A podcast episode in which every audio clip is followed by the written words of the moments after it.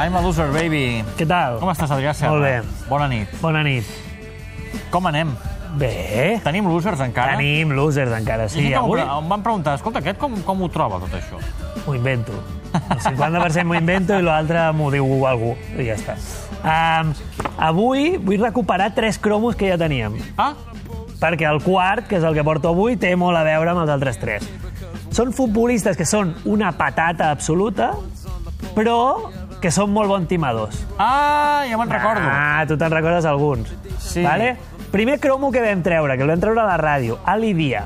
Sí, Pitjor tio que ha debutat mai a la Premier. és veritat, sí. Uh, un tio que va aconseguir fitxar pel Southampton trucant a l'entrenador del Southampton, a Graham Souness, el, el 96, Sí. pensa passar per George Weah i dient eh, soc George Weah, Ali Dia serà la nova estrella del futbol africà. I Souness va picar I el van fitxar. i el van fitxar. És a dir, un tio que es va fer passar per George Weah. Aquest és el primer cromo que es vaig portar. Segon cromo, Carlos Enrique Raposo.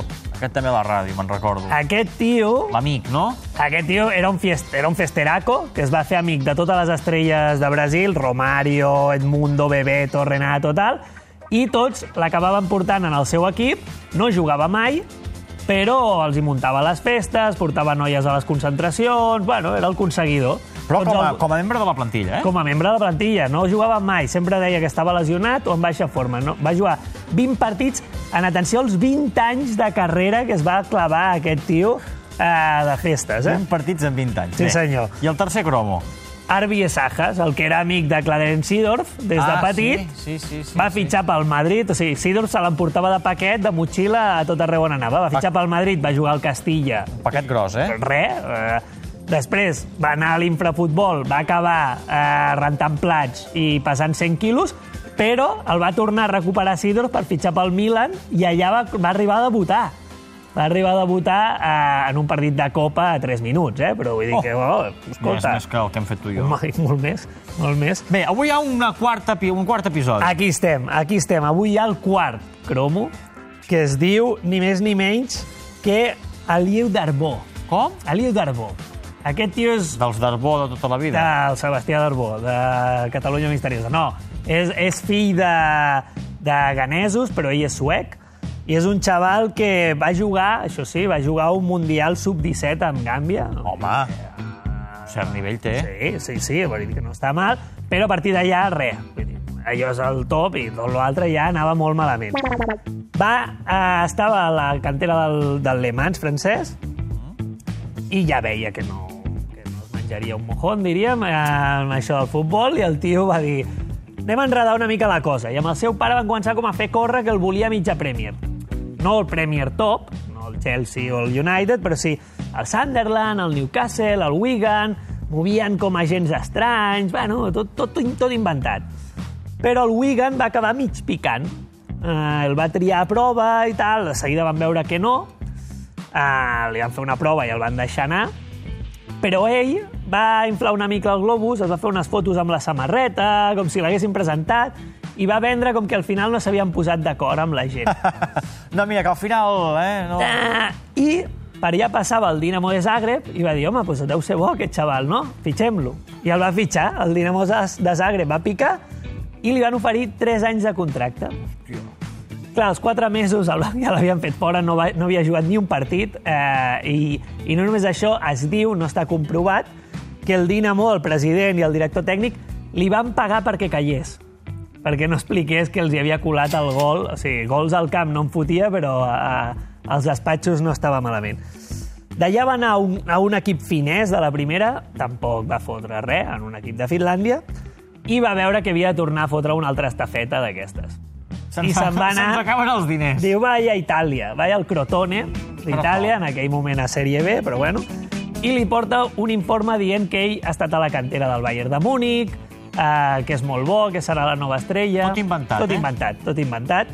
Uh, I el Crotone diu, bueno, pues, escolta... A veure, un moment, si hi ha una web que es diu Transfer Market, que ho, ho, ho trobes no, tot. pues no, no, no, no funciona.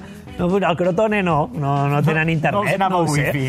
Uh, total, que li van dir, escolta, fes una prova. I va dir, jo no faig proves. Jo estat a la cantera del, del Què Bayern. us heu pensat? Ah, per favor. Total, que el fitxen. Li donen el número 10. També al cap de quatre dies, quan es començava a destapar la cosa, el tio què fa? Marxa cagant llets i se'n va un equip suec. I diu, no, és que he marxat del Crotone perquè els aficionats m'insultaven, feien insults racistes i tal. L'equip suec diu, bueno, doncs vine aquí. Al cap de quatre dies marxa de l'equip suec i comença a enredar un altre timo d'aquests amb el PAOK de Salònica. Ui, ui. I va amb uns papers com si ell estigués en l'òrbita del Dortmund, que el Dortmund l'està el vol fitxar, però que el Dortmund vol que primer es, es fogueixi amb un altre equip, bueno, com, i com si el Dortmund mig l'oferís al Pau com una opció d'aquestes de, de futur. Escolti'm, perquè que es vagi foguejant. Miri, jo tinc aquí un mail, però mails, eh? Mail del director tècnic del Dortmund i tal, que us diu això i tal. Bueno, total, Sisis Birses, que és exjugador del Celta, va ser campió de l'Eurocopa sí. Amb, amb Grècia, era, el, era de l'estaf del Pau, bueno, al principi ho veu bé, diu, escolta, vine cap aquí i tal, comencen a fer papers i tal, però llavors diu, escolta, vaig a parlar amb Michael Zorc, que és amic meu, que és del Dortmund, a veure què m'explica. I quan li pregunta Michael Zorc, diu, pues mira, I? aquest senyor, l'Eliu Darbó aquest, no, no me viene nada per a Eliu Darbó, eh? Total, tu pots timar uns italians, pots timar uns suecs, pots fer el que vulguis, però a Grècia, cuidado. Llavors, el, po- aquest senyor, l'Eliu Darbó, de cop i volta va veure com tot un grup de hooligans del Pau s'acostava cap al seu hotel de luxe i li feien entendre que o marxava d'allà corrent o s'hi quedava per l'eternitat, diríem a Grècia. Oi, Eh? oi, oi, oi, oi. A la gent que van enganyar o que van emmerdar en tot això, ho explica eh, dient que es pensava que el mataven directament, els aficionats del Pau, que es va tancar al quarto de bany de l'habitació i va fer una barricada amb tots els mobles Perquè no poguessin- perquè no poguessin enganxar-lo perquè pensava que d'allà no sortien. A partir d'aquí ja va intentar, que el, va intentar jo amb el Tenerife, va anar de prova al Llevant, però va acabar jugant un partit al Llevant B i també no el van voler i ja va començar a caure. Eh? Segona divisió noruega, un equip de Malta, i d'aquí cada pocs mesos anar saltant a un equip d'Algèria, un d'Egipte, a Malta, bueno, malvivint sense jugar enlloc, eh? ha jugat I anar agafant d'aquí d'allà... una miqueta, dinerets. indemnitzacions i tal, bueno, s'ha fet una carrereta. Com es diu, Darbó?